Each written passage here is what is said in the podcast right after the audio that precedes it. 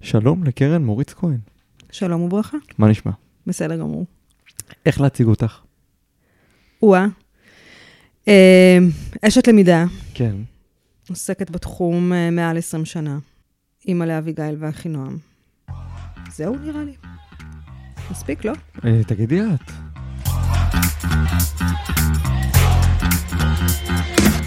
איך אנחנו מציגים את עצמנו? קודם כל מולנו, אחר כך מול אחרים. חישבו רגע, כשמבקשים מכם להציג את עצמכם, האם אתם מתבלבלים, נבוכים במקצת ומנסים לארגן את המחשבות?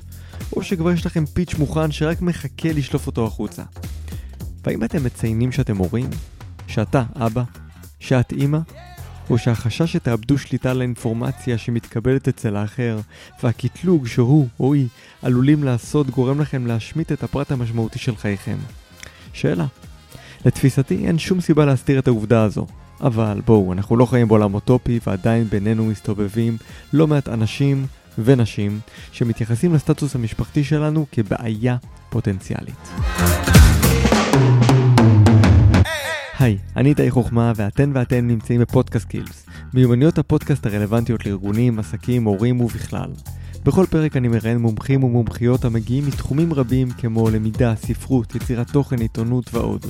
והיום אני שמח לארח את קרן מוריץ כהן, סמנכ"לית למידה ארגונית בחברת תימור, בעלת היסטוריה צבאית עשירה בתפקידי פיתוח הדרכה. יחד דיברנו על ההבדל שבין פיתוח הדרכה לפיתוח למידה, על קרדיטים ולמה לא צריך להתבייש לדרוש את המקום שלנו. קווי דמיון ושוני בין ראיון אודיופוני לבין תחקור מומחי תוכן ואיך אפשר להתאים את המשלב הלשוני שלנו לקהל היעד שאליו אנחנו פונים בעולמות התוכן השונים. אני בפודקאסט וקרן בארגונים. פודקאסט קילס, פרק 6, מתחילים.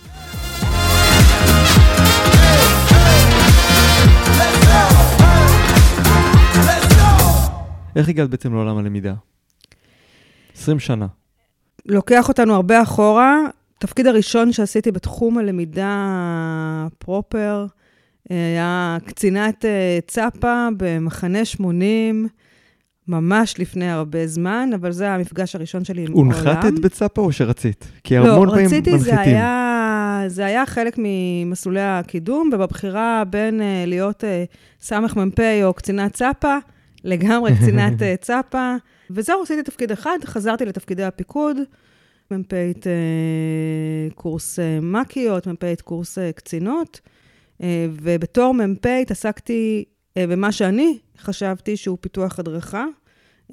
ושם החלטתי שגם זה מה שאני רוצה לעשות. וחיפשתי תפקידי פיתוח הדרכה. מפקד שבטה, שזה בית הספר לתותחנות שדה, שהיה אז במצב מאוד לא טוב מבחינת uh, הדרכה, החליט שהוא לוקח קצינה לתפקיד. עד אז היה מקובל שמי שעוסק אנחנו בתחום מדברים הזה... פה על שנת? אנחנו מדברים על שנת 2003. אוקיי. אוקיי? עד אז היה מקובל שמי שעושה את התפקידים האלה הם קציני המקצוע, לצורך העניין, קציני תותחנים, קציני שריון וכולי, הם היו מפקדי גופי פיתוח ההדרכה, אה, מתוך הנחה שהמקצוע זה הדבר החשוב, זאת אומרת, עולם התוכן הוא הדבר החשוב. אה, מפקד אה, שבטה הבין את הדבר הזה קצת אחרת. אני לא אפרט את המאבקים הפוליטיים שהיו סביב הסיפור הזה, כי זה היה באמת יוצא דופן, אבל הגעתי להיות מפקדת גוף פיתוח ההדרכה של שבטה, שנתיים מאוד מאוד מאתגרות, מאוד מאוד קשות, שבסיומן הגענו לזכות בתחרות ההדרכה המטכ"לית במקום הראשון. ועשינו בעצם מעבר וואו. מלהיות uh, באמת uh, בית ספר נכשל לבית ספר uh, מאוד מצליח. כמובן שהקרדיט הוא למפקדים uh, בראש ובראשונה, אבל מה זה הקרדיט למפקדים בראש ובראשונה? רגע, שנייה, בוא נדבר רגע על חלוקת הקרדיטים הזאת. את הגעת, זה היה בית ספר נכשל, שיפרת את זה, ואת אומרת שהקרדיטים למפקדים. כן, איך זה הולך ביחד? לגמרי. תסבירי לי. קודם כל, ככה, ככה, ככה גדלתי. אוקיי. Okay. ככה גדלתי במובן הזה שאנחנו okay. מסייעים למפקדים, וככל שהמפקדים יהיו יותר מזוהים עם העולמות שלנו ועם המשימות שלנו ועם ההצלחות שלנו, והפכו את זה למשהו שהוא שלהם, כך אנחנו הצלחנו יותר בתפקידנו. אז הקרדיט הוא שלכם, בראש ובראשונה. אני מתעקש על, על חלוקת הקרדיטים הנכונה, כי תראה, נורא, נורא קל לחלק קרדיטים גם לאחרים. זה עניין, זה... ו- ואני רוצה גם להזכיר משהו, ש... לא להזכיר, לומר משהו שהוא מאוד מאוד חשוב, ציינת את זה ככה בקטנה, שהיית הראשונה, האישה הראשונה שלקחה על עצמה תפקיד של פיקוד של צפה בקרב תותחנים. כן, נכון, ואחר כך אה, בעצם כל... גבר לא היה אומר שהקרדיט להם ולא לעצמו. אז אה, תשמע, א', זאת, הסוגיה הזאת היא לא סתם, היא סוגיה משמעותית, כי כשקצת יותר התבגרתי, אז הבנתי שאי אפשר כל הזמן להיות עסוקה בלחלק את הקרדיטים ולתת בדיוק. רק את המקום למי שעבדתי איתו. במקומות מסוימים זה גם פגע בי מאוד, ואז הבנתי שאני צריכה אה, גם אני לקחת קרדיט וגם לחנך אחרת את האנשים שתחת אה, פיקודי, לקחת את המקום שלהם בעולם. Oh.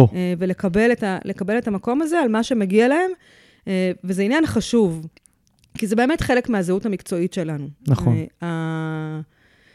אני תמיד אומרת שהערכים הכי חשובים למי שעוסק בעולם פיתוח הלמידה הם צניעות ואמפתיה, שזה שני ערכים שצריכים להוביל אותנו, מכל מיני סיבות.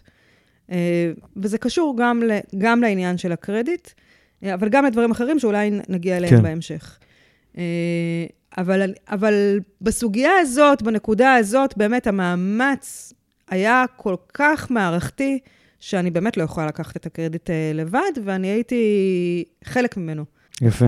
דרך אגב, גם בעולם של, אני לא הולך לפודקאסטים, כי פודקאסטים לרוב זה משהו שהוא אישי, זאת אומרת, אדם מקליט את עצמו, את האחרים, אין הרבה קרדיטים, אבל גם ברדיו, גם בטלוויזיה, יש רשימה של קרדיטים שתמיד, אם את זוכרת, תמיד בסוף אה, תוכנית כלשהי, המפיקות ככה וככה, העורך ככה וככה, נכון. הטכנאי ככה וככה.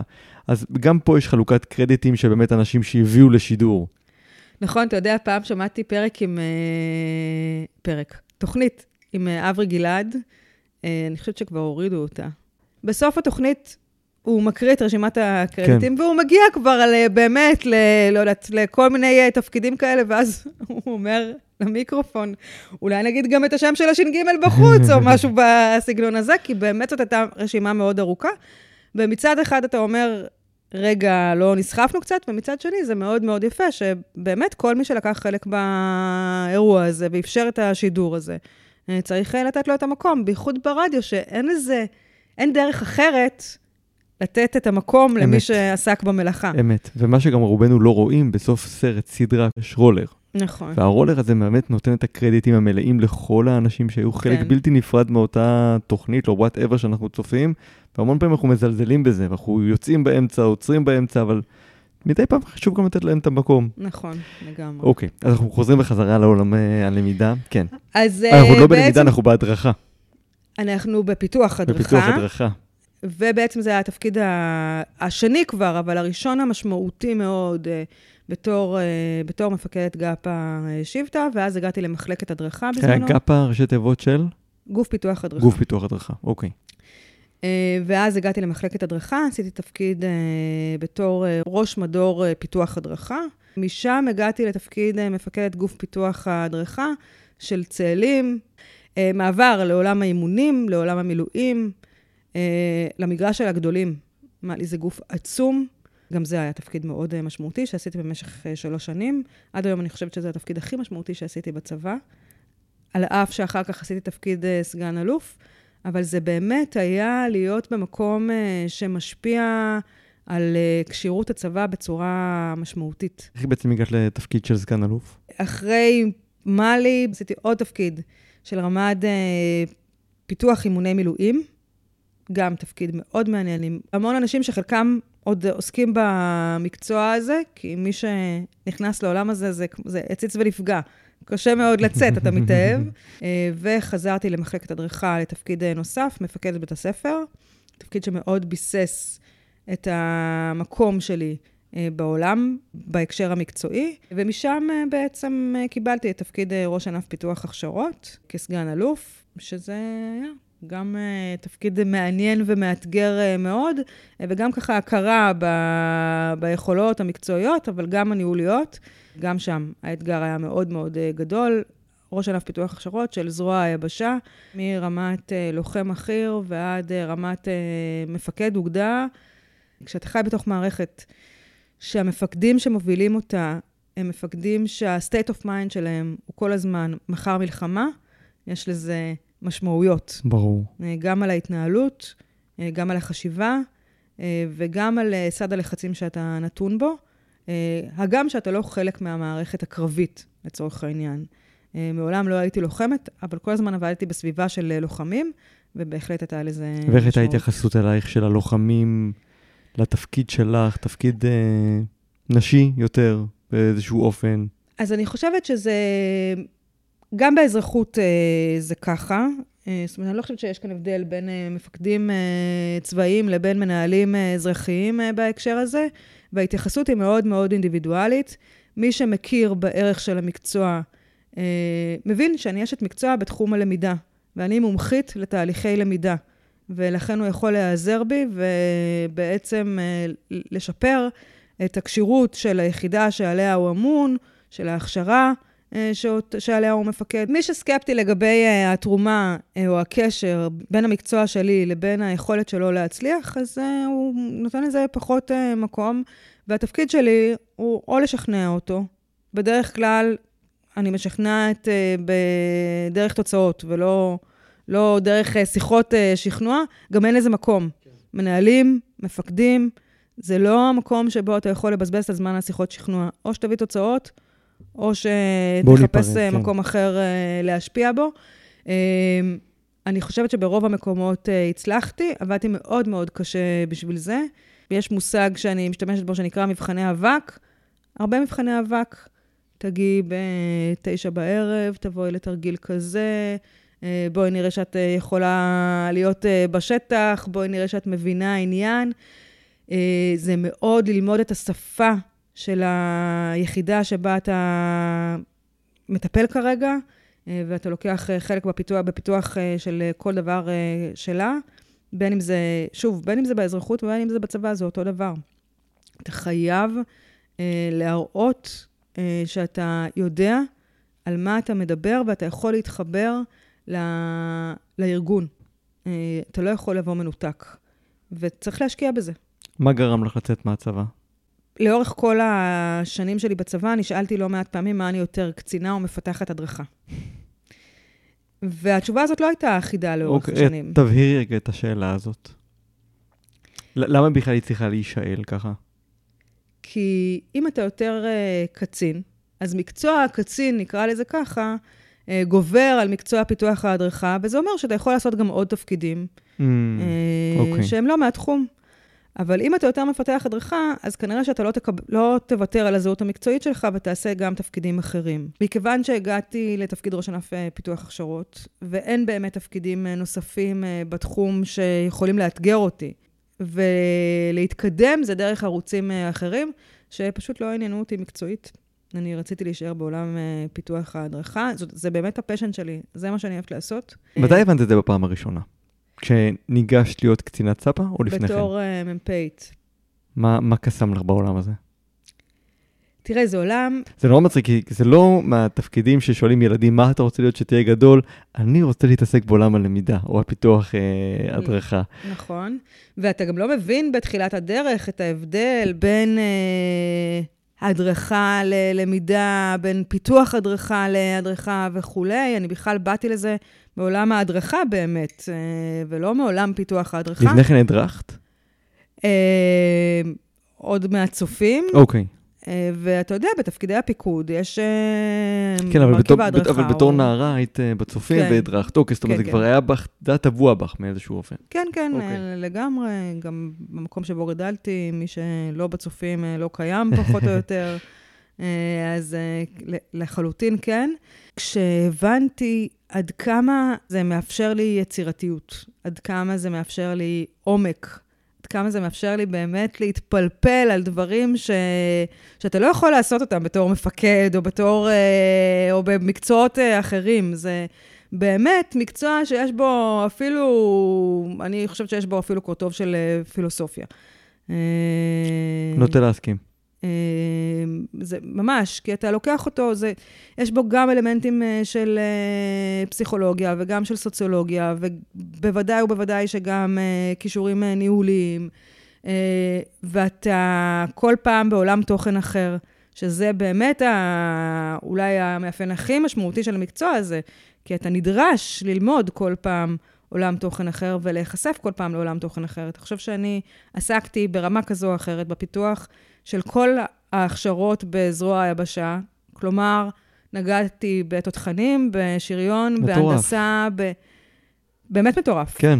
אה, עכשיו, ברור שאני לא מומחית באף אחד מהם, אבל עצם זה שאתה נכנס לעולם ואתה לומד אותו, וגם עכשיו, בתפקיד הנוכחי שלי, אני עוסקת בארגונים, כל ארגון הוא אחר עולם- לחלוטין, כן. עולם ומלואו, לא רק בעולם התוכן שהוא מביא איתו, אלא גם כי ארגונים הם עולם ומלואו. נכון. אה, והעיסוק בארגונים זה גם חלק מהמאפיין. אם היית שואל אותי, אפרופו האמירה שלך מקודם, אם היית שואל אותי בתור ילדה מה אני רוצה להיות כשאהיה גדולה, כנראה שהייתי עונה פסיכולוגית. לאט לאט גיליתי שארגונים יותר מעניינים אותי טוב, זה מאנשים. סוג של פסיכולוגיה ארגונית. לגמרי. כן.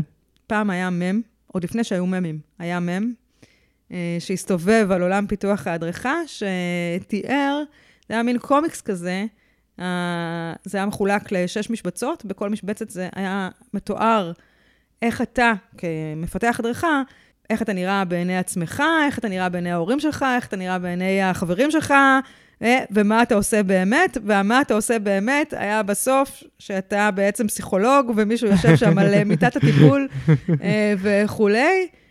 אחרי אז- זה, לדעתי, עוד היה גרסה של סופרמן, כי זה... אז הגשמת את החלום שלך באיזשהו אופן. כן, אבל כן. זה קיבל טוויסט, כי באמת היצירתיות פה היא מאוד מאוד גדולה. אני כל הזמן עסוקה בלחשוב מה יהיה הפתרון הטוב ביותר עבור הארגון. זה גם איך להטמיע אותו ואיך לשווק אותו. יש פה כל כך הרבה שאלות שאתה כל הזמן אה, עסוק בהן, שאתה באמת צריך אה, להיות מסוגל גם להבנה מאוד מערכתית של המערכת שבתוכה אתה נמצא כרגע, אה, גם לעולם התוכן, גם, לח- גם להתחבר לשפה, גם להבין את הדינמיקה הפנימית, המון המון המון המון דברים, שאני חושבת שזה ייחודי למקצוע הזה. אז היום אנחנו נדבר על כמה מהדברים, כמה מה- מהאלמנטים האלה שעכשיו אה, דיברת עליהם. לפני כן, מתי התאזרחת? אה, יצאתי לחפשש אה, בדצמבר 2000, בתוך הקורונה. אוקיי, תכף אנחנו מדברים פה על כמה אלמנטים באמת אה, שקשורים לעולם של... אה, מעולם ההדרכה לעולם הלמידה, אנחנו תכף נדבר גם על ההבדלים האלה. קודם כל, את מראיינת, לא מעט, נכון. נכון? עכשיו אנחנו מנהלים פה שיח, שאת עכשיו בעמדת המרואיינת, איך זה מרגיש לך? אתה יודע שזה מאוד מאוד זר לי. זה לא מרגיש ככה, אני חייב לציין. אה, טוב, קודם כל עשיתי הכנה מנטלית לקראת היום, בסדר? אה, דבר שני, יש אה, משהו במ- במראיין שמאפשר את הנינוחות הופה. היחסית. אה, וכן, אני לא אוהבת את הפוזיציה הזאת. זה לא יקרה הרבה. כן, אני שלא חושבת תטעי. ש- שזה גם חלק, מה... חלק מהבחירה שלי במקצוע. בדיוק, שלא תטעי, אם אני אהיה מרואיין, אני אהיה מרואיין גרוע מאוד, כן. בוודאות. אין לי הרבה יותר ספק. קל לראיין, ברור, אין לי ספק שאלות. שזה חלק מהעניין. בטח. המקצוע שלי מחייב אותי לשתוק הרבה, להקשיב הרבה, אה, ולשים את עצמי אה, לא במרכז. אה, זו פוזיציה שיותר נוחה לי. כן. אז עכשיו אנחנו נדבר על כמה אלמנטים שהם די זהים מבחינת עולם הלמידה ועולם הפודקאסטים, שיש לנו כמה הכנות לקראת. מהמם. השלב הראשון זה שלב התחקיר. אנחנו בעצם עוד לא לפני, לפני שאנחנו בכלל מגיעים לשלב הראיון, אנחנו מתחקרים. אנחנו לומדים את הארגון שבו אנחנו עכשיו אה, נכון. הולכים אה, לגעת בו. איך את עושה את זה? מה, מה מבחינתך השלבים הנכונים עבור התחקור המלא של ארגון כזה או אחר? אז uh, לא נדבר על תחקור מלא, כי תחקור מלא זה באמת סט uh, מאוד מאוד uh, רחב של דברים שעושים, אבל, אבל בוא נגיד שלצורך העניין הסיטואציה היא כזאת שלפני שאני ניגשת לתחקר מומחי תוכן, שזה בעצם, אלה בעצם הפונקציות שעליהן אנחנו מדברים. אה, בוא נגדיר רגע מה זה מומחה תוכן, לטובת אלה שלא מכירים את המושג. אז אה, מומחה תוכן הוא האיש שנבחר על ידי הארגון לייצג את הנושא שבו אנחנו עוסקים, שאותו אנחנו רוצים לפתח. כלומר, אם אני באה לפתח עכשיו הכשרה של אה, נציג שירות, אה, לא משנה באיזה סוג של ארגון, אז יהיה מישהו מתוך הארגון שהוא מומחה תוכן בעולם השירות, בעולם התוכן של אותו גוף, והוא בעצם זה שצריך לספק לי את כל הידע אה, שאמור, אה, שאמור לעבור באותה הכשרה, באותה תוכנית למידה, באותו, באותו דבר שאנחנו אה, בעצם אה, מפתחים עבור הארגון אה, כרגע. מהמם. מצד אחד, הוא אמור לספק לי את כל הידע. אני כביכול אמורה להגיע, אה, וזה לגיטימי שאני אשאל את כל השאלות. מצד שני, כדי שמומחה התוכן הזה ישתף איתי פעולה, אני לא יכולה באמת להגיע מבלי להבין דבר. אני חייבת להכיר מעט את השפה של הארגון, אפילו לא מעט, קצת יותר ממעט. אה, אני מוכרחה לדבר בשפה שלו. אני מוכרחה להבין אה, איך הארגון שלו נראה. נראה במובן של uh, המבנה הארגוני. אני צריכה קצת להכיר, אפילו ברמה של השמות של הפיבוטים המרכזיים uh, בארגון. אני צריכה לגרום לו להרגיש בנוח uh, לדבר, באמת על כל מה ש... שצריך uh, לדבר, אבל שיש אוזן uh, קשבת. וכדי שהוא ירגיש שיש אוזן קשבת, הוא חייב שאני אתן לו איזושהי קונטרה, אבל אני לא יכולה לתת אותה מתוך ערפל מוחלט. נכון. ולכן אני חייבת קצת, אה, קצת אה, להבין לפני זה את, ה, את הארגון ואת, ה, ואת התוכן, ואני עושה הכנה עצמית בהקשר הזה. כן, זה, הכנה עצמית היא מאוד מאוד חשובה, זה גם משהו שגם אני עושה, לפני שאני מראיין כל אדם. אני לפני כן, אני לומד אותו. לומד נושאים מסוימים שהוא מדבר עליהם, או אפילו ממעט לדבר עליהם, ופתאום אני תופס איזשהו רגע שאני שואל אותו את השאלה הזאת ספציפית שגורמת לו להיפתח. עכשיו, כמובן לא, לא להביך חלילה. כן. כי לשמור על הסביבה העוטפת היא מאוד מאוד חשובה. עכשיו, גם את לצורך העניין, אם את עכשיו מראיינת אותי, שאני מומחה תוכן, ואת רוצה לקבל ממני מידע, הדבר הראשון שאני יכול לעשות זה להיסגר מולך, כי יש פה איזשהו איום. לגמרי. אולי רוצים להחליף אותי. אולי לגמרי. רוצים עכשיו לקבל את המידע כי כבר חושבים על הבא בתור. אולי המקום אה, שלי הוא לא כל כך יציב, גם זו שאלה שעלולה לעלות בקרב מומחה תוכן כזה או אחר. לגמרי, ובאמת אה, יש על זה שיח אה, מאוד נרחב בקרב אנשי, אנשי הלמידה, אבל אה, אני חושבת שעלית גם על, גם על הדומה וגם על השונה בין, במקצועות שלנו. כן. כי הדומה הוא באמת הצורך בהכנה עצמית והיכולת שלך לקרב אליך את המרואיין, ו, ובאמת לייצר איזושהי פתיחות בשיח. אני חייבת אבל להגיד, שאותי המרואיין לא מעניין נכון, באופן אישי. נכון, התפקיד שלו מעניין אותך. כי הוא באמת לא הסיפור. הסיפור הוא הארגון והמקצוע נכון, והתפקיד. הידע שלו. אה, אבל אני כן חייבת להיות בעלת מיומנות, כן להתחבר אליו ברמה האישית. אה, אפילו בדברים הכי פשוטים והכי אה, הכי בסיסיים של תקשורת בין בני אדם. בדיוק. אני לא יכולה לשדר שכל מה שמעניין אותי זה המקצוע, והבן אדם שמולי הוא לא חלק מהעניין. להפך, ובאמת גם הדברים שאתה הזכרת הם מאוד מאוד חשובים כאן, כי כשאתה בא לתחקר מומחה תוכן, א', אתה מפריע לו. זה לא התפקיד שלו. נכון. התפקיד שלו זה לא לשבת עכשיו ולספר למישהו מחוץ לארגון על מה שהוא עושה. אז הדבר הראשון זה שאתה מפריע לו ואתה גוזל מזמנו היקר מאוד, ולזה צריך להתייחס. Uh, הדבר השני הוא שזה באמת איזשהו סוג של איום. גם אם הוא הבן אדם הכי משתף בעולם, זה ברור שמשהו אחר קורה כאן. זאת אומרת, עצם הכניסה שלך לארגון היא כבר התערבות. ואת זה אנשי למידה חייבים להבין, שלא משנה עד כמה אתה מנסה לצמצם, או עד כמה זה רק חלק אה, מהתהליך, וזה אפילו עוד לא הדבר עצמו, זה רק אה, החלקים המקדימים, נכנסת, זהו, אתה כבר עושה התערבות בתוך הארגון, ויש לזה משמעות מבחינת האנשים. אה, ותהליך הרתימה המקדים הוא מאוד מאוד חשוב אה, בהקשר הזה. זה חייב לבוא ביחד עם המנהלים, חייב להיות פה מסר ארגוני. המסר לא יכול להיות רק שלי בתור אשת למידה, נכון. בטח כשאני חיצונית uh, לארגון, ויש כאן הרבה עבודה מקדימה. ובניואנסים הקטנים אל מול אותו בן אדם, אז בהחלט הסיפור הוא כן לייצר, כן תקשורת אישית שהיא מקרבת, שהיא נעימה, שהיא נוחה. ו, ולתת הרבה מאוד כבוד, גם לזמן שלו וגם לידע שלו, אה, וגם למקום שבו הוא אה, באמת נמצא עכשיו, שהוא לא מקום פשוט. כן. אה, בגלל זה, כשדיברתי מקודם על צניעות ואמפתיה, אז זה המקום גם לצניעות, כי אני עכשיו יושבת אה, מול בן אדם שיודע הרבה יותר ממני אה, על מה שאנחנו מדברים עליו, אה, וגם אמפתיה, כי אני צריכה להיות אמפתית לכל מה שדיברנו עליו עד עכשיו. אה, ולקחת אותם בחשבון בתוך הסיפור הזה, ולהיות אמפתית גם למקומות שבהם יש לזה השפעה על הזמן שלי. אה, זאת אומרת שאם הוא קוטע באמצע, או אם אה, צריך איתו יותר מפגישה אחת, או אם קשה לו מאוד להתבטא, או אם באמת לוקח הרבה מאוד זמן לפתוח אותו לצורך העניין, מתוך האיום שהוא נמצא בו, מתוך כל מיני דברים mm-hmm. אחרים, אז לתת לזה את המקום של זה ולהכיל את זה, וזה גם חלק בלתי נפרד מהסיפור. דיברת גם על שפה. שלהתאים את השפה לאדם שנמצא מולך או לארגון שבו את אה, נמצאת. נכון. עכשיו, זה גם נכון לגבי עולם ההדרכה, שלא לא כל כך דיברנו עליו עדיין, אבל זה נכון באופן עקרוני שאת נמצאת מול אוכלוסייה מסוימת, את גם משנה את המשלב הלשוני שלך. את מתאימה, גם דרך אגב אני, לצורך העניין, שאני נמצא מול אוכלוסייה מסוימת, או שהפודקאסט הזה הוא יהיה בשפה מסוימת לעומת פודקאסט אחר, שמדבר אחרת, והקהל יעד שלו הוא שונה. אז שפה זה דבר שמאוד מעסיק אותי בכל מיני רמות. אחד, אני מאוד אוהבת את השפה העברית, וגם על זה קצת אה, דיברנו בהכנות המקדימות נכון, אה, בינינו. נכון.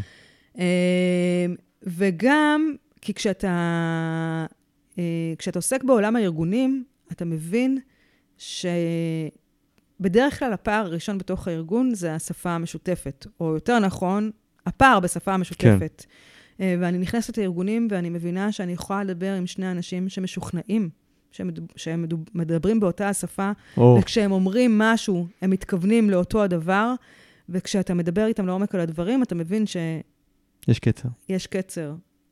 משמעותי מאוד בתקשורת, ואחד מדבר על משהו אחד, והשני מדבר על משהו אחר. לפעמים הנושא יכול להיות אותו נושא, אבל הסטנדרט הוא שונה, הפרשנות היא שונה, התרגום של הדברים הוא באמת מאוד שונה, ואין באמת שפה משותפת אה, בתוך הארגון, ואני חושבת שזה האתגר הראשון בארגונים בכלל, ובעולם פיתוח ההדרכה, הלמידה בפרט, כי בסוף חלק מהתפקיד שלך זה לוודא שכולם מדברים בשפה נכון. אחידה. אה, ולייצר שפה אחידה זה בהחלט חלק, מה, חלק מהעניין.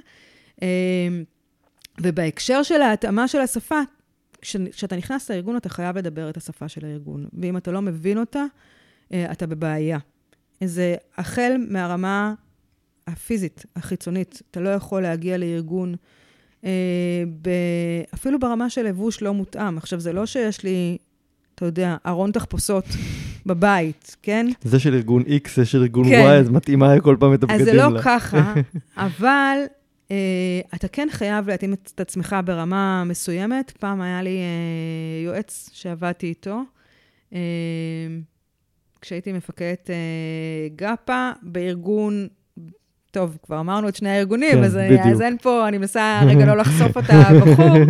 אבל כשהייתי מפקדת גאפ אמאלי, אחד היועצים ש, אה, שעבד איתי, והיו הרבה כאלה, אז אין מה לעסוק בניחושים. אה, היה מגיע עם כובע רחב שוליים, אה, עם חולצות ארוכות כדי שהוא לא יישרף מהשמש, כי הוא היה בחור... אשכנזי, אשכנזי. כן.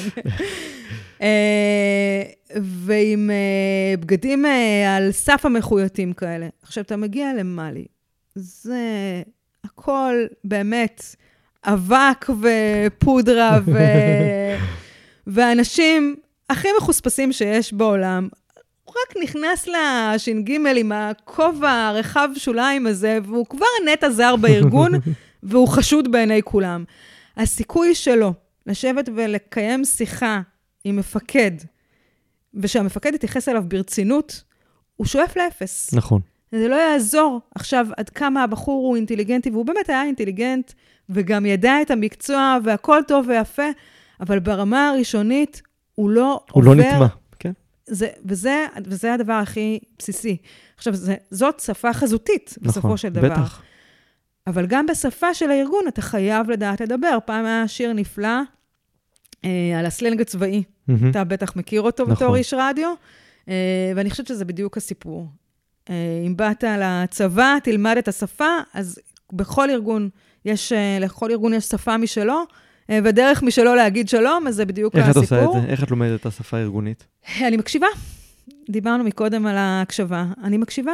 אני עסוקה מאוד אה, בלהקשיב ולשמוע את הניואנסים, ובאמת, באמת, בפגישות הראשונות שלי עם כל ארגון, אני בעיקר אה, שואלת אה, שאלות, אני קוראת אה, המון חומרים לפני ואחרי.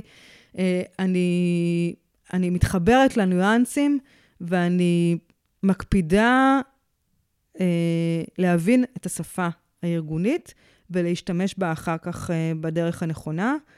אה, בעיניי זה קריטי. ואם אתה לא, אתה לא עושה את זה, הסיכוי שלך לצלוח את תפקידך בהקשרים האלה הוא, הוא באמת אה, מאוד מאוד אה, נמוך. אה, אתה חייב להתחבר, וגם אם התפקיד שלך הוא לייצר שפה אחידה, כי השפה היא לא אחידה, זה חייב להישען על השפה הקיימת. אתה יכול לבחור לאיזה כיוון אתה הולך, אתה יכול אה, לנסות לייצר באמת את המכנה המשותף במקומות שבהם אה, זה לא מספיק אה, מדויק, אבל זה חייב להישען על השפה הקיימת, וזה באמת בעיניי א'-ב' של המקצוע. זה גם עניין של איך אתה מצליח לדרבן את האנשים באמת לתוך התהליך הזה. להוביל אותם לתוך התהליך, שהם יהיו חלק בלתי נפרד גם מההטמעה של השפה הזאת. אז... ופה יש אתגר מסוים. אחד האתגרים הכי משמעותיים בעולם של פיתוח למידה, אה, שאני עוסקת בו רבות, זה הסיפור של הטמעה, הטמעת השינוי. אין, אין שינוי בלי למידה ואין למידה בלי שינוי, זה מבחינתי איזושהי הנחת אה, יסוד. אה, לי מאוד חשוב אה, לא רק לפתח את התוצרים שאליהם אני נדרשת, וזה לא משנה עכשיו אם זה מיקרו או מקרו, זאת אומרת, אם זה עכשיו יחידת לימוד אה, כזו או אחרת, או קורס או תוכנית שלמה, אה, חשובה לי לא פחות מכך ההטמעה בתוך הארגון, ושזה באמת יהפוך להיות אה, משהו שעובד בתוך, ה, בתוך הארגון, וזה כבר תהליך שלם של הובלת שינויים של ממש. אה, עכשיו, זה תלוי מה הפוזיציה שלך בארגון. כשעשיתי את זה בצבא, אז הרבה פעמים הייתי בתוך הארגון עצמו וחלק מהארגון, והרבה פעמים גם כיועצת חיצונית, היום בוודאי כיועצת חיצונית לארגונים. Uh, הסיפור של ההטמעה הוא חלק, uh, חלק מהאתגר וצריך uh, לקחת אותו ב, ב, בחשבון. ואני חושבת שאחד הדברים אולי הכי חשובים להגיד בהקשר הזה, זה שהטמעה לא מתחילה בסוף התהליך, היא מתחילה בתחילת התהליך, מהיום הראשון שבו נכנסת לארגון. נכון. וזה חלק מהעניין. זה, זה אולי ככה איזו תובנה, אפילו, אפילו מהשיח שלנו עכשיו. אי אפשר להשאיר את ההטמעה לסוף, אוקיי, בסוף גם נעשה תוכנית הטמעה לדבר הזה. לא, מהרגע הראשון אתה עסוק בהטמעה. כי מהרגע, כמו שאמרנו מקודם, ברגע שנכנסת, אתה כבר בתוך, בתוך התערבות. אתה כבר מתערב בארגון. ואם אתה כבר מתערב בארגון, אז תחשוב מראש על הקצה ולאן אתה רוצה להגיע, ותתחיל להניע את זה כבר מהשלב הראשון. הגם שעוד לא פיתחת פסיק אחד בתוך התוכנית אה, שעליה אתה אמון. אתה יודע, אני אעשה לך פודקאסט על מחסום כתיבה עם סופרים. אוקיי. כל אחד מדבר על המקום שלו, בתפיסה של מחסום כתיבה, אם מחסום כתיבה הוא קיים או לא קיים. אם יש איזושהי אמירה שחוזרת אצל כולם, זה שהם מתיישבים לכתוב את הסיפור עצמו, את הציר העלילה, הם יודעים כבר מה הסוף. ולדעת מה הסוף, אפרופו נושא ההטמעה, זה באמת לדעת מה נקודת הקצה, לדעת כבר לאיזה נקודה אתה רוצה להגיע, גם אם זה לא מדויק. כן. גם אם יכול להיות שיהיו שינויים ויהיו שינויים. בואי, אנחנו אף פעם לא יודעים מה באמת אה, תהיה התוצאה הסופית. אבל כשאנחנו יודעים שיש איזשהו ז'רגון מסוים, שפה מסוימת שאנחנו רוצים להטמיע, חשוב שאנחנו נדבר אותה כבר ביום, ביום הראשון. אז אני חושבת שבאמת העניין הוא ש... וזה מעניין מה, שאתה, מה שאמרת על סופרים, כי אני לא חשבתי שתהליך כתיבה עובד אה, בהכרח ככה, שאתה מראש יודע מה, מה הסוף. אה, אני לא יודעת מראש מה הסוף אה, בתהליך הפיתוח שאני נכנסת אליו, אבל אני חייבת להחזיק כל הזמן את ההבנה אה, ש... שמה שקורה עכשיו זה כבר חלק מאיך שהארגון יתפוס את הדבר הזה וייקח אותו או לא ייקח אותו, וזה משפיע. ואם אני עכשיו אצור איזושהי התנגדות, יכול להיות שאחר כך אני אוכל לפרק אותה. יכול להיות שכשאני אביא את התוצר, אני אוכל לפרק את ההתנגדות הזאת, כי התוצר יהיה מעולה וזה יהיה מצוין. אבל אם אני אצור התנגדות בתחילת הדרך, בגלל שאני לא מדברת את השפה, בגלל שאני לא רגישה לדקויות של הארגון, בגלל שאני לא לוקחת בחשבון מי הם האנשים בתוך הסיפור וכולי, ובגלל אלף טעויות שאפשר לעשות בתוך התהליך הזה, אני לא לוקחת בחשבון את זה שזה עלול להשפיע על הקצה, גם אם הוא מאוד רחוק, אז אני שמה לעצמי רגליים בהקשר הזה. כן, אפרופו התנגדות. התנגדות היא יכולה להיות בעיה מאוד מאוד גדולה שלך בתור מראיינת, שלי בתור מראיין, או בכלל של כל אחד מאיתנו בתחום שלו. ברגע שאנחנו נמצאים, עוררנו איזשהו אנטגוניזם מסוים, בצורה לא מודעת, בצורה לא מכוונת, והצד השני נאטם, פה אנחנו צריכים לדעת איך אנחנו מצליחים לפרק את ההתנגדות, אפרופו יצירתיות, מה שאמרת בהתחלה. לגמרי, ובריאיון זה באמת, אה, זה מאוד מורכב, כי תחשוב, כן. השיח הזה הוא שיח מאוד אה, דינמי, ומה שקורה כאן עכשיו, אה, זה עניין של שניות. לפעמים ממש. מספיק מבט אחד לא במקום. בדיוק. ויצרת איזושהי אטימות בצד השני, בין אם, בין אם הוא פירש את זה בצורה לא נכונה, מאלף ואחת סיבות. נכון. לגמרי. אני לא יודעת מה, מה, אני, כאילו, אם אני מנסה לחשוב רגע מה עוזר לי ב, במקומות האלה, אז, אז, אז קודם כל אני באמת מאוד זהירה. אה, אבל, אה, אבל לפעמים ההתנגדות היא באמת אה, קיימת שם, או שהיא קיימת מראש, מהסיבות ש- שהזכרת כן. מקודם, או שאני יצרתי אותה במשהו בדברים שלי. דיברת מקודם על התאמת המשלב הלשוני, שזה עניין, כי אתה אומר, רגע, מה, אני צריך להתאים את השפה שלי ברמה הזאת, עכשיו אני צריך לדבר אחרת? אז, אז כן, לפעמים כן. עכשיו, זה לא שכן. ברמה של אה, להיות, אה, אני לא מדברת פה על משהו שהוא על גדר, בגדר הצביעות. אני לא אשנה את אה, סגנון השפה שלי. לא תשמע ממני אומרת כפרה, כנראה בשום מקרה. לא בגלל שזה רע להגיד כפרה, אלא בגלל שזה לא חלק מה- מהשפה כן, זה לא הטבעית חלק שלי. מהסלנג שלך. כן. אה, ולכן, אני לא, זה, זה לא ילך למקומות האלה, ומצד שני, גם לא תשמע אותי אומרת מילים מאוד מאוד אה, גבוהות, כי זה גם לא כמו שאני חלק בחיים מה- לא אגיד אחי. לא מסוגל להגיד אחי, לא מסוגל. ניסיתי הנה, בצבא להגיד אחי, נשמה, כפה, לא הולך, לא הולך, מה לעשות? לא בכוח. אז, אה, אז לגמרי לא בכוח, אחי. אבל לא דיברנו על אותנטיות בכלל, אבל נכון, האותנטיות אבל היא דבר זה. מרכזי מאוד, בכלל בשיחה בין בני אדם. לגמרי. וכשחשבתי על ה, באמת המקומות, המקומות המשותפים בינינו במקצועות שלנו, אני חושבת שזה לגמרי חלק מהעניין. נכון. ואם אני חוזרת רגע לזה, אז זה המקום שבו צריך לפתוח את ההתנגדות. זאת אומרת, אם אתה עכשיו נמצא בתוך מקום של התנגדות ואתה מזהה את זה, שקרה פה משהו, וה- והצד השני אטום או נאטם, תפתח את זה. לגמרי. זה הדבר הכי... קודם כל, דרך אגב, עם עצמך. לפני שאתה פותח את זה מול, מול הפרטנר שלך, עם עצמך. תנסה להבין איפה פישלת, איפה עשית איזושהי טעות נכון. מסוימת, ואז תשקף את זה לאדם שנמצא מולך. לגמרי. אספר אנקדוטה בעניין הזה. כן. שהיא קשורה ולא קשורה. אה, באחד התפקידים הייתי אה, צריכה ללכת אה, לראיין מומחה תוכן שהוא מפקד בכיר יחסית. הוא היה איש מאוד מאוד חזק בארגון ומאוד מאוד נוקשה.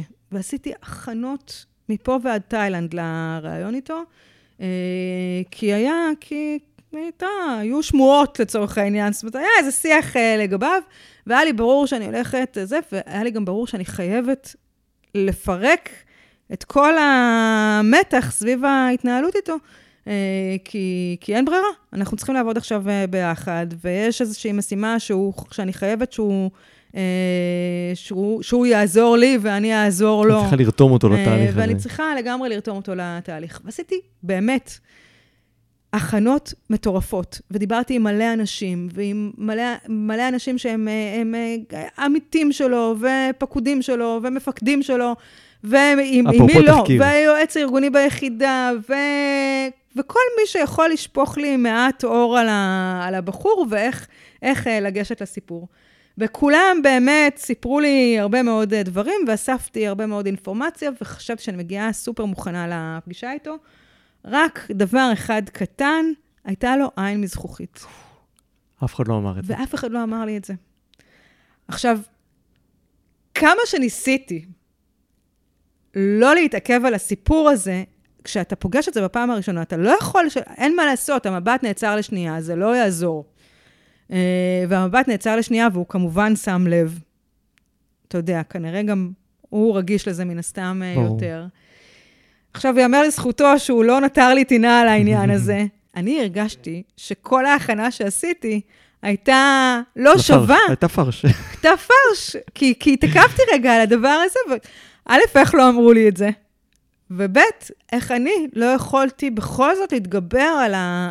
אבל באמת, זה כמעט ברמת ה... אבל זה בלתי, אבל זה לא נשלט. זה לא נשלט, יש דברים שאתה לא יכול לשלוט עליהם. זאת אומרת, כשיש איזשהו משהו פיזי שמתרחש, שאתה לא מוכן אליו, כן, וגם אבל אם- אגב, הייתי גם היום... אם היית- גם אם היית מוכנה, יכול להיות שזה היה מפתיע אותך עדיין. יכול להיות, אבל אם הייתי מגיעה היום לסיטואציה כזאת, אני רוצה להאמין שהייתי מתנהלת אחרת, והלהתנהל אחרת קשור למה שדיברנו עליו לפני כמה שניות. הייתי פותחת את זה. לגמרי. אבל אני ניסיתי כאילו לא להתייחס לעניין, ודווקא זה שניסיתי להתייח-. לא להתייחס לעניין, זה היה... לא משהו- אותנטי. אז יפה. אז אמרת פה אמירה מאוד מאוד חשובה. קרה משהו? הפתיע אתכם איזושהי נקודה במפגש הזה? דברו על זה. לגמרי, אני הייתי, אני הייתי שואל. לגמרי. הייתי, שוב, אני, אני, לפעמים, אני גם יכול להיות במקומות כאלה חסר טקט, כי אני באמת סקרן. לא, אבל זה לא באמת... חוסר טקט, זה מתוך סקרנות אישית שלי להכיר את הבן אדם. אני, אני באמת חושבת שזו הייתה תגובה אפילו טיפה ילדותית, כאילו, אבל זה שלא התייחסתי לזה. כי, כי מה הסיפור? הרי הבן אדם יודע שיש לו עין כן. זכוכית, אותו זה לא הפתיע. אמ, ו... אבל, אבל, אותה- יכולתי- אבל, אבל אני לא יודע אם זה ילדותי או שיש פה איזשהו אלמנט של הפתעה שלא ציפית לזה. בוא זה- נגיד רק שאני מקווה שבפעם הבאה שאני אפגוש בן אדם עם עין מזכוכית, או עם רגל? מעץ? או כל דבר? כזה. אולי זה מתוך המקום של הקיבעון המחשבתי שלנו. תמיד לצפות לאיזושהי הפתעה במפגשים כאלה ואחרים. ול- ולתת לזה מקום. זה לא יכולת שהיא מובנת מאליה, נכון. כן? זה לא, זה לא ברור uh, מאליו, וכשאני שמה על הדבר הזה את כל המתח שיש uh, ב- בסיטואציה של מפתח למידה, זה היה בקונטקסט צבאי, אבל זה יכול היה לקרות בקונטקסט אה, אזרחי באותה מידה. Uh, את, ה, את יחסי הכוחות, את, את כל הדינמיקה הזו, המורכבת מאוד הזאת, אז אני אומרת, זה, זה באמת לא, לא כזה פשוט. יחד עם זאת, אם אני צריכה רגע טיפ, גם לעצמי וגם uh, למפתחי הלמידה באשר uh, הם, פשוט שימו את זה על, ה, על השולחן, תתייחסו. לה, תתייחסו לעניין בבגרות, בצורה עניינית, לא כמובן uh, בשום uh, דרך אחרת, מתוך כבוד לבן כן. אדם שעומד uh, אני, מולכם. אני, אני גם אוסיף ואומר, גם הקשבה פעילה היא דבר מאוד מאוד חשוב. הקשבה פעילה, אמרת קודם שאת מרגישה מאוד מאוד בנוח, כאן, ברעיון הזה. אחד הדברים שמובילים אותי ל- ליצור סביבה נוחה ונעימה אצל המרואיינים, זה קודם כל להסתכל להם בעיניים. יש משהו במבט, נכון. שהוא מבט שהוא לא מבקר, הוא לא שיפוטי, הוא מבט מכיל. אמפתיה, אפרופו דיברת על אמפתיה. הדבר הבא זה גם אה, להסתכל באמת על, על סיטואציה כשיחה. אני לא מראיין אותך, אני לא בא באיזושהי גישה מאיימת, אני לא מנסה להתקיל אותך, אני באמת מנסה לשאוב מידע. כן. ולא משנה מה תגידי, את יודעת שהנפילה היא רכה. זאת אומרת, לא, לא יקרה פה שום אסון. אנחנו מנסים ליצור בשיח כזה עם מומחי תוכן, וגם לא רק עם מומחי תוכן, בכלל, גם עם כן. מנהלים בארגון, בדיוק. איזושהי מעטפת של הגנה, אוקיי? עכשיו, גם זה עניין מורכב, כי זה לא שאני יכולה להגיד לו אה, שזה נשאר בינינו. זה לא נשאר בינינו. נכון. זה ממש לא נשאר בינינו. זה כל מה שאתה הולך כאן, הולך לשמש לא נגדך, אבל לטובת הארגון שלך. וזה זה איזושהי הבנה שצריכה להיות מנחה לבין הפרטנר שלך בתוך התהליך הזה, ומבחינתי עכשיו מומחה התוכן הוא הפרטנר שלי, אה, שאני, שאני צריכה לגרום לו לסמוך עליי, להוציא את המוץ מן התבן. אה, ומה שבאמת הוא אומר לי שהוא לאוזניי בלבד, יהיה באמת לאוזניי בלבד. אה, ו... יחסי אמון. כן, ולייצר את האמון הזה, למרות ששוב, המעטפת היא מורכבת, כי זה ברור שאני באה לראיין אותו, ואני באה לתחקר אותו, כן. ולשאוב ממנו את, הידע, את המידע כדי להשתמש בו. אבל אני חושבת שהרבה מאוד פעמים אני מצליחה לייצר את המצב הזה שבו הם מבינים ש... שיש דברים שאני באמת הם חלק מהסיפור, ויש דברים שהם לאוזניי בלבד, ואני לא אעשה בהם אה, שום אה, שימוש אה, לרעתם. זה כנראה חלק מהמיומנות באמת, שאתה מפתח לעצמך. מה שאמרת בעצם זה גם להגדיר את הגבולות, שהם יהיו מאוד מאוד ברורים. כן, להגדיר את הסוג שיח בינינו. כן. וגם אחרת, זה אפרופו עניין של שיקוף, זה גם כן. להגדיר. והרבה פעמים אני עושה את זה גם תוך כדי השיח. זאת אומרת, הרבה מאוד פעמים אני שואלת שאלות אה, שהן הצידה מהתוכן, והן כן על הקונטקסט הארגוני. הן חשובות לי כדי להבין את השפה, כדי להבין את הדינמיקה, כדי להבין את מערכות היחסים אה, וכולי. אה, והן ממקום מאוד מאוד אישי. כן. אוקיי? ואז אני אומרת, רגע, הצידה, וזה לא... זה רק בשביל ההבנה שלי, וזה לא ישמש, ולא זה, וכולי וכולי, וממסגרת רגע את הרגע הקטן הזה, ושואלת את השאלה, ולרוב אני גם אקבל, אה, אקבל תשובה, תשובה ו, וזה גם, זה גם המקום שלה להתעניין בבן אדם עצמו. אפרופו מה שאמרנו מקודם, נכון. שאותי לא מעניין הבן אדם עצמו, אז דווקא זה המקום שבו אני יוצאת רגע מה, מהתוכן, וכדי להבין את הקונטקסט הארגוני, אני, כן מעניין אותי הבן אדם עצמו, מה הכאבים שלו, למה הוא אה, עושה את מה שהוא עושה, למה הוא נשאר במקום הזה ולא הולך למקום, יכולות להיות אלף ואחת שאלות, זה תלוי ב, בארגון וכולי, אבל, אה, אבל כן, כן זה מעניין, כי כשאתה מבין את הכוחות שמניעים את האנשים בארגון, אתה מבין טוב יותר את הארגון. נכון. בסופו של דבר, כל אחד מהעובדים הוא... אוהבים להגיד בורג, אבל בעיניי זה הרבה יותר מבורג קטן במערכת. זה באמת איזשהו נדבך מהותי. כן. יודעת, יש כאלה שהולכים למקום הפונקציונלי והמערכת הפונקציונלית של הארגון, אבל אני באמת חושב שהוא גורם משמעותי. לגמרי, וגם כל קול בארגון, הוא אף פעם לא עומד בפני עצמו. נכון. הוא קול של קבוצה מסוימת. בדיוק, הוא מהדהד עוד קול קולות. של חתך מסוים. הוא, יש לו השפעה. אתה יודע, גם האנשים גם שיושבים ב... הבחירה היא לא נעשתה סתם, זאת אומרת, אם הוא נבחר להיות מומחה, בוודאי. יש בוודאי. כאן סיבה מאוד מאוד נכון. מסוימת. זה, זאת נקודה מאוד חשובה, כי באמת אנחנו בוחרים את מומחי התוכן בקפידה ביחד עם הארגון, ובדרך כלל אני מדברת עם אנשים שהם באמת אה, משפיענים, פונקציונרים. כן, אה, משפיענים בעולם שלהם, בטח. אה, לגמרי. אז לפני סיום, פרסמת פוסט, דיברת על המעבר מבחינת השימוש ממונח הדרכה למונח אה, למידה. נכון, פיתוח להדרכה לפיתוח למידה. נכון. הטרמינולוגיה הזאת. וזה הזכיר לי מאוד גם את המעבר בין הרדיו לבין הפודקאסטים, דרך אגב, זה נורא נורא מצחיק, אנחנו תכף נדבר על המעבר הזה של העולם שלי, אבל אני רוצה לשמוע את זה ממך קודם כל. המעבר הזה בין שני העולמות, זאת אומרת, זה, מה- זה מעבר שקודם כל, אני חושב הוא מעבר לטרמינולוגי של הדרכה ולמידה, זה, זו הגדרה שהיא מעניינת. זאת אומרת, זה מעניין שנורא חוששים להשתמש במושג למידה באיזשהו אופן, למרות שעכשיו אנחנו בעולם שהרבה יותר משתמשים בו. אולי כי זה מחזיר אותנו לימי בית הספר. אמ, אני, רק אגיד במאמר מוסגר שיש לי פה בביתי את רקפת, שזה זה עיקר העיסוק שלה, והיא שינתה בעצמה את ההגדרה של התפקיד שלה באלבר שבו היא עובדת, מפיתוח הדרכה לפיתוח למידה. ועשתה טוב. נכון, אני מסכים. אה, תראה, באמת אה, פרסמתי מהמם. את הפוסט, אה, כי כמו שאמרתי כבר, העיסוק אה, בשפה אה, הוא חלק מהמקצוע. והמעבר הטרמינולוגי הזה, אה, הוא באמת בעיניי שינוי, אה, ביטוי של אה, שינוי תפיסתי אה, מאוד מאוד אה, משמעותי. אה, ובפוסט ציינתי שלוש אה, סיבות שמגדירות את, ה... את השינוי הזה בעצם. אה, אז אני לא אחזור עליהן. תשים אה, בסוף הפרק את אני אשים את הקישור. בדסקריפשן יהיה קישור לפוסט הזה, כן. אני, אני כן אגיד שאני חושבת שהשינוי הוא באמת שינוי אה, משמעותי, כי בעבר התייחסנו להדרכה, כי זה מה שעשינו. כדי ללמד מישהו, הדרכנו אותו. כן. זה, אלה היו הפעולות שעשינו בעבר. גם אם זה פעולה בצופים וגם אם זה בארגון כן. או בצבא. כן. כן, זה לא משנה. עכשיו, זה לא משנה גם אם זה הדרכה או הוראה, אתה צודק בהתייחס לבית הספר, כי גם, כש, כי גם בבית הספר, כדי ללמד מישהו, הדרכנו אותו. לגמרי. המורה בכיתה בעצם עסק בהוראה, שבינה לבין הדרכה, ההבדל הוא בעיקר נכון. הקונטקסט ולא כן. אה, הפעולות אה, עצמן. אה, והיום, כשאנחנו אה, רוצים ללמד מישהו, יש לנו הרבה יותר אפשרויות מאשר רק להדריך אותו. והסיפור הזה של באמת, אצל מי נמצא הידע, ומהן הפעולות שאותן אני צריך לעשות, ואיך בכלל אני רותם אנשים אה, ללמידה, ואיך אני מנצל את כל המשאבים שמצויים אה, ברשות הארגון אה, וברשות האדם אה, עצמו, זה כבר מנעד הרבה הרבה הרבה יותר רחב. אה, ולכן נעשה המעבר הזה. אה, ובעיניי הוא באמת מאוד חשוב.